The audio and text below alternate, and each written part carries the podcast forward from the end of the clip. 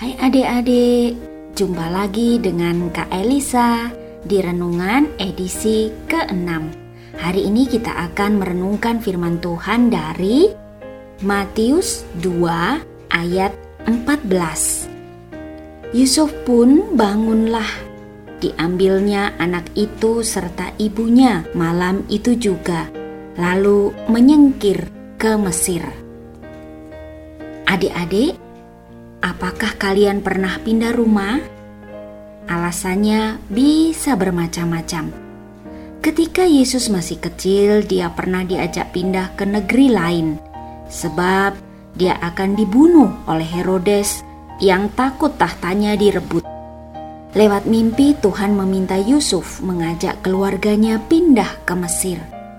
Perjalanan itu tidak mudah dan lama sekali karena saat itu alat transportasi belum maju seperti sekarang.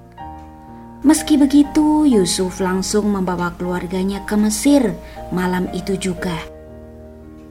Ayo, kita mencontoh Yusuf yang tidak menunda dan juga tidak mengeluh melakukan perintah Tuhan. Karena berkat tindakannya, Yesus selamat dari pembunuhan di masa kecilnya, dan kini kita menikmati karya penebusannya. Nah, sekarang yuk kita berdoa. Bapa, terima kasih atas teladan Yusuf. Aku mau menuruti perintahmu dengan sepenuh hati. Amin.